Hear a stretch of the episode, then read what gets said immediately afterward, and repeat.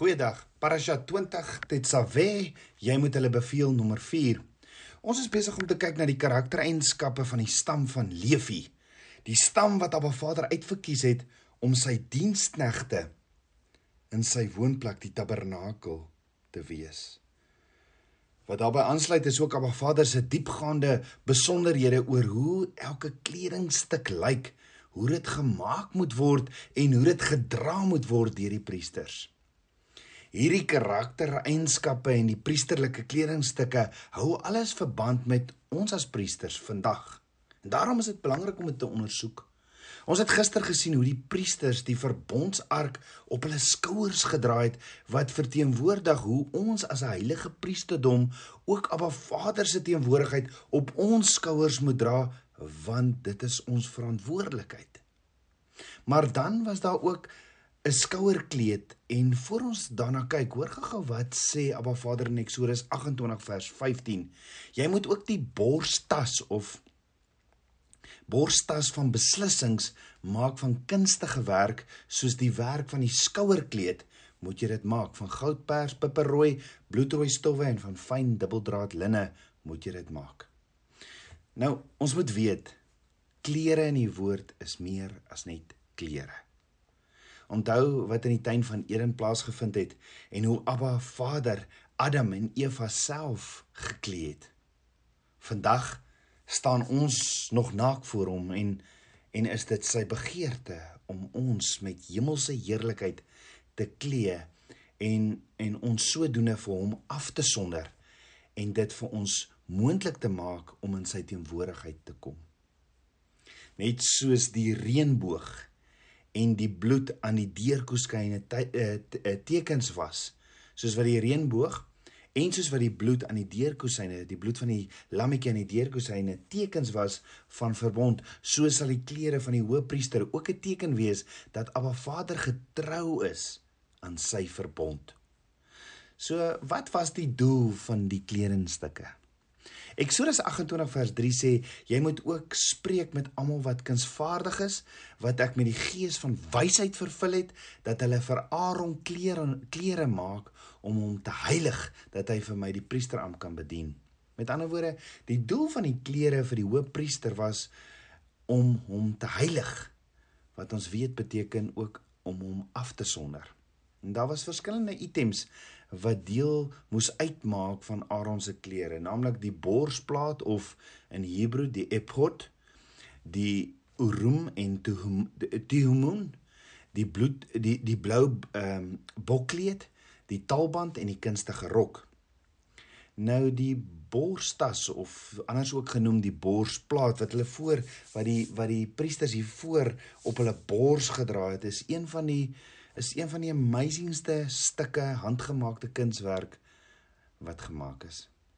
Onthou die omvang van die pligte van die hoofpriester was dat hulle die kinders van Israel voor die aangesig van Abba Vader bring sodat hulle hulle sondes kan vergewe en hulle hulle, hulle voor Abba Vader kon regstel. Dan die priesters het het twee onyxstene gedra, een aan elke skouer waarop die die name van die kinders van Israel gegraveer was ses name op elke steen, op elke skouer. Ons het gister daarna gekyk. En hierdie ses stene hou duidelik verband met 'n tyd later toe Abba Vader vir Moses gesê het om vir Joshua opdrag te gee om ses stamme op die berg Gerizim te laat staan en ses op die berg Ebal met die stad Sichem tussenin. 'n Naam hierdie Sichem wat wat letterlik beteken tussen die skouers. En dis presies waar die kinders van Israel ses het aan die kant van die berg gestaan en ses aan die kant en die dorp of die stad daar is Sichem. En dit was die plek waar die waar ook die eerste altaar van Abraham gebou is. Waar Abba Vader vir Abraham beloof het om baie nasies van hom te maak en waar Josef ook begrawe is. Nou daar's 'n baie diep prentjie wat Abba Vader vir ons skets oor sy instruksies oor die priesterlike skouerkleed teenoor die ses stamme wat op die op hierdie berg is en die ses stamme op hierdie berg in Sichem in die middel. En net soos die stamme fisies op die twee berge voor op 'n Vader gestaan het en hulle trou aan al die seënings en vloeke van die verbond toegesê het, net soos sou die hoofpriester die stamme van Israel eenmal per jaar op Yom Kippur op sy skouers voor Abba Vader dra om verzoening te doen vir hulle sondes. Soos ons weet, was die hoofpriester 'n skaduwee van die hoofpriester Yeshua, ons Messias, wat al ons sondes op sy skouers voor sy Vader gedra het. Hoor wat sê Jesaja in Jesaja 9 vers 5, wat 'n kind is vir ons gebore 'n seun is aan ons gegee en die heerskappy is op sy skouer en hy word genoem wonderbaar raadsman sterke god ewige vader vredevors omdat Yeshua die Messias letterlik die hoëpriester is word daar van hom verwag om die stamme van Israel letterlik op sy skouers te dra voordat hy in die teenwoordigheid van Abba Vader kom Die skouers was berg Ebal en berg Gerizim wat vir die kinders van Israel simbolies die hele verbond van 'n Vader verteenwoordig het. Dink daaroor in die tabernakel op die tafel van toonbrode kry jy ook 6 aan die kant, 6 brode aan die kant. Maar die oomblik wat die skouers van die hoëpriester voor Abba Vader gekom het met die 6 stamme se name aan die een kant en die 6 stamme se name aan die ander kant, het die bepalinge van die verbond begin en die seëninge en vloeke het dan begin of dit nou na hulle of na hulle vyand vyande toegevloei het.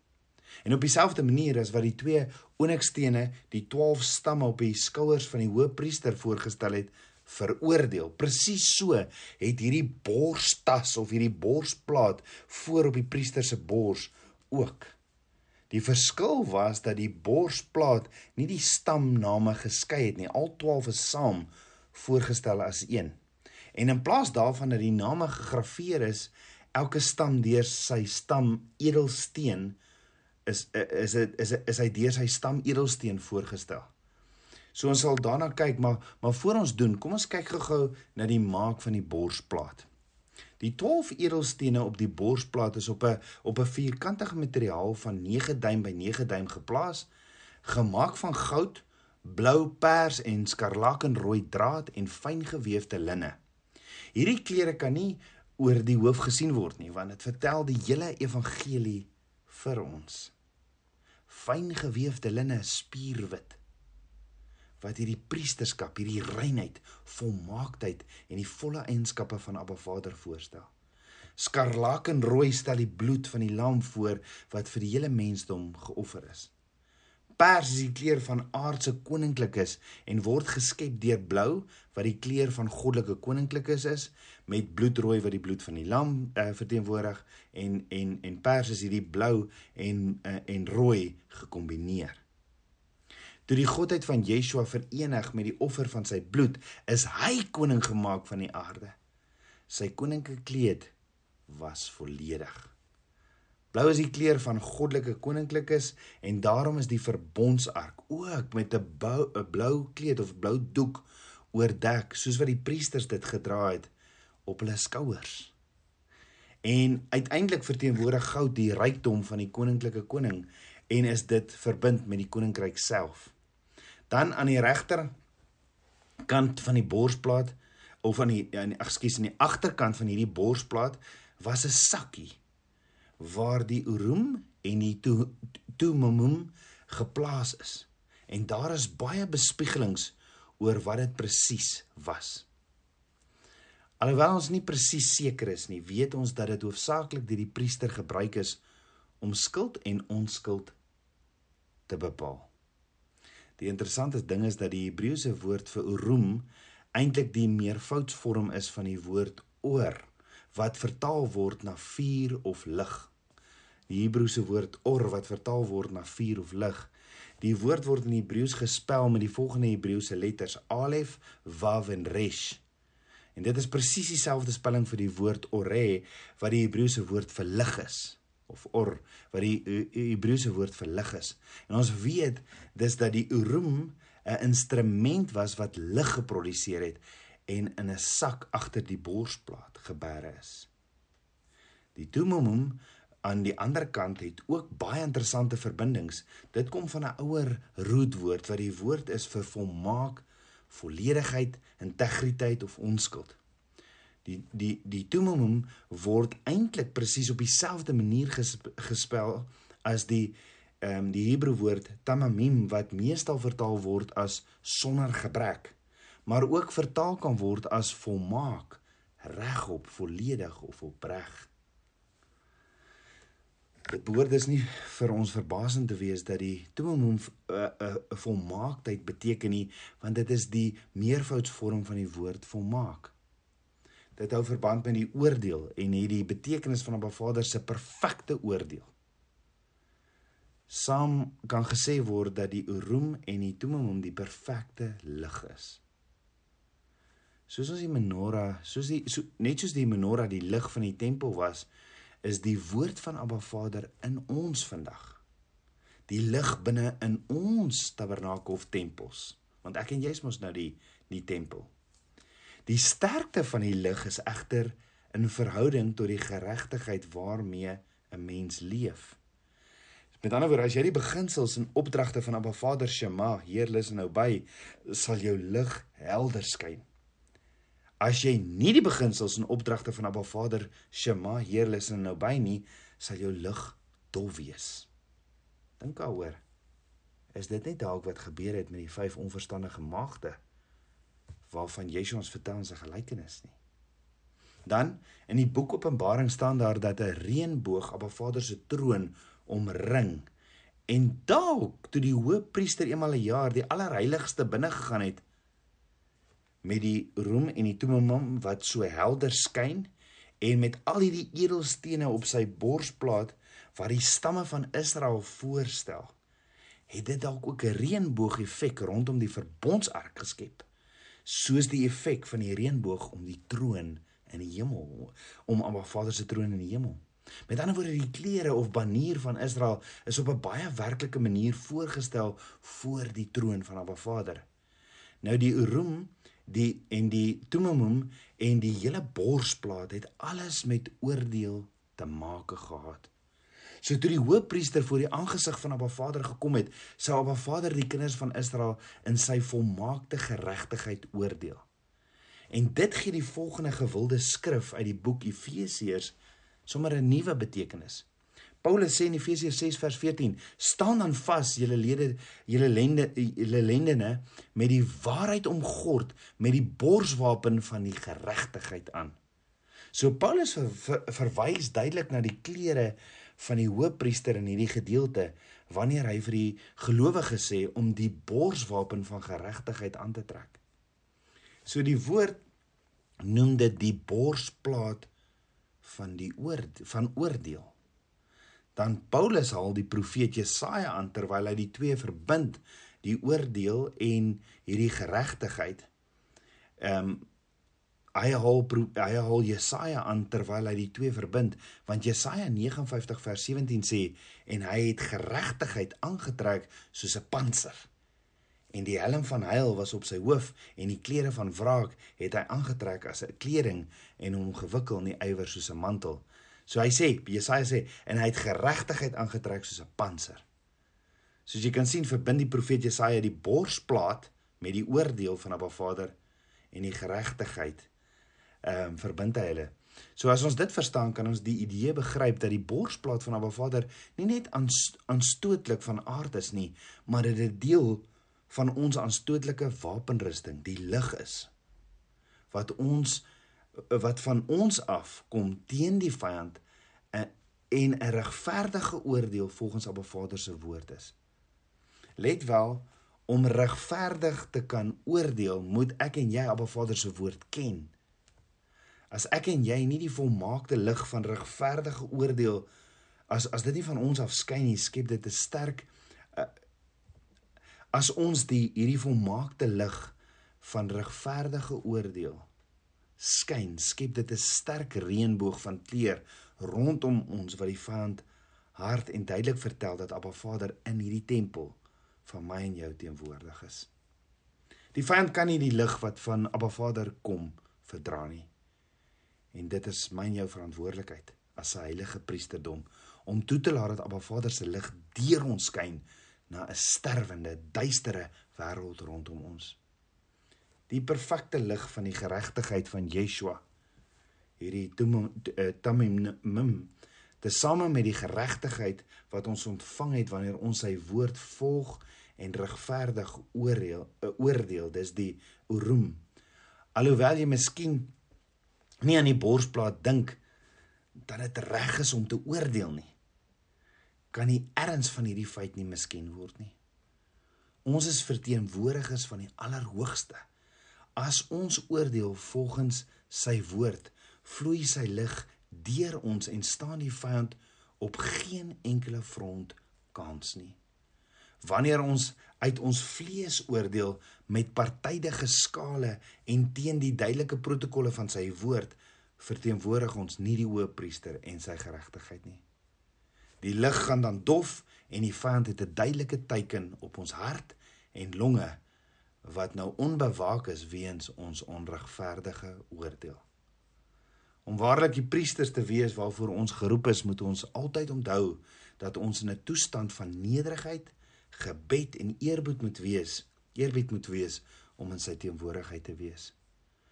Ons is daar om die siele van almal rondom ons, selfs ons vyande, te pleit en alle oordeel aan Abba Vader oor te laat. Sodoende laat ons toe dat sy lig ons binnendring en meer sy beeld deur ons te skyn. Die bou van die tabernakel begin met die begrip van hoe sy oorspronklike troonkamer gebou is. As ons die komponente van die tabernakel en die latere tempel verstaan, kan ons Abba Vader se fondament verstaan as hy op dieselfde manier ons tempels bou. Ons het die gevalle engele van God verdring daardie opstandige engele saam met Satan wat hulle lig verloor het deur Abba Vader onregverdig te oordeel. Ons het die status gekry as priesters wat die voorreg het om voor Abba Vader te dien deur die tempels van ons eie liggame. En Abba Vader het ons die borsplaat van oordeel gegee wat die geregtigheid van Yeshua bevat en die krag van die glorieryke beginsels van sy woord. En laat ons te sterk en vrymoedig wees in die suiwerheid van ons ambassadeurskap deur sy naam te verkondig en min besorgd te wees oor ons eie naam. So kom ons bou die liggaam van Yeshua deur nederigheid, barmhartigheid, medelee wat van Abba Vader afkom aan al sy kinders. Daarom bewaar jou hart. Bewaar jou hart met die borsplaat van geregtigheid en laat ons almal saamwerk om sy koninkryk net op sy manier te bou. En hoe doen ons dit prakties? Of hoe werk hierdie alles prakties? Het jy al ooit iemand geoordeel? En dan kom jy eintlik agter maar jy het nooit al die inligting gehad nie. Vind jy jouself partykeer tot gevolgtrekkings? En spring gebaseer op op blykbaar onweerlegbare bewyse. Jy jy jy jy jy kom tot gevolgtrekkings deur onweerlegbare bewyse. En ons almal doen dit. Maar hierdie soort oordeel is verbode volgens Abba Vader se woord. Want as ons dit doen, moet ons onmiddellik tot bekering kom, op ons knieë val en voor Abba Vader dit bly Want wat ons dan eintlik gedoen het was ons het Abba Vader op sy regmatige geestelike gebied van sy troon afgehaal en hom deur onsself vervang en gekies om vir hom te oordeel.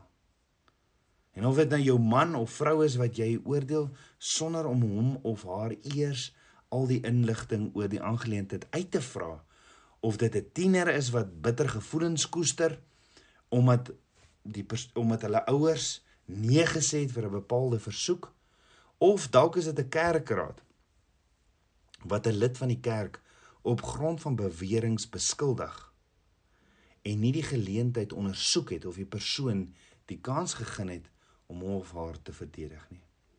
As ons iemand onregverdig geoordeel het en hulle borsplaat van geregtigheid afgeruk het moet ons onmiddellik berou toon aan die persoon wat ons veronreg het.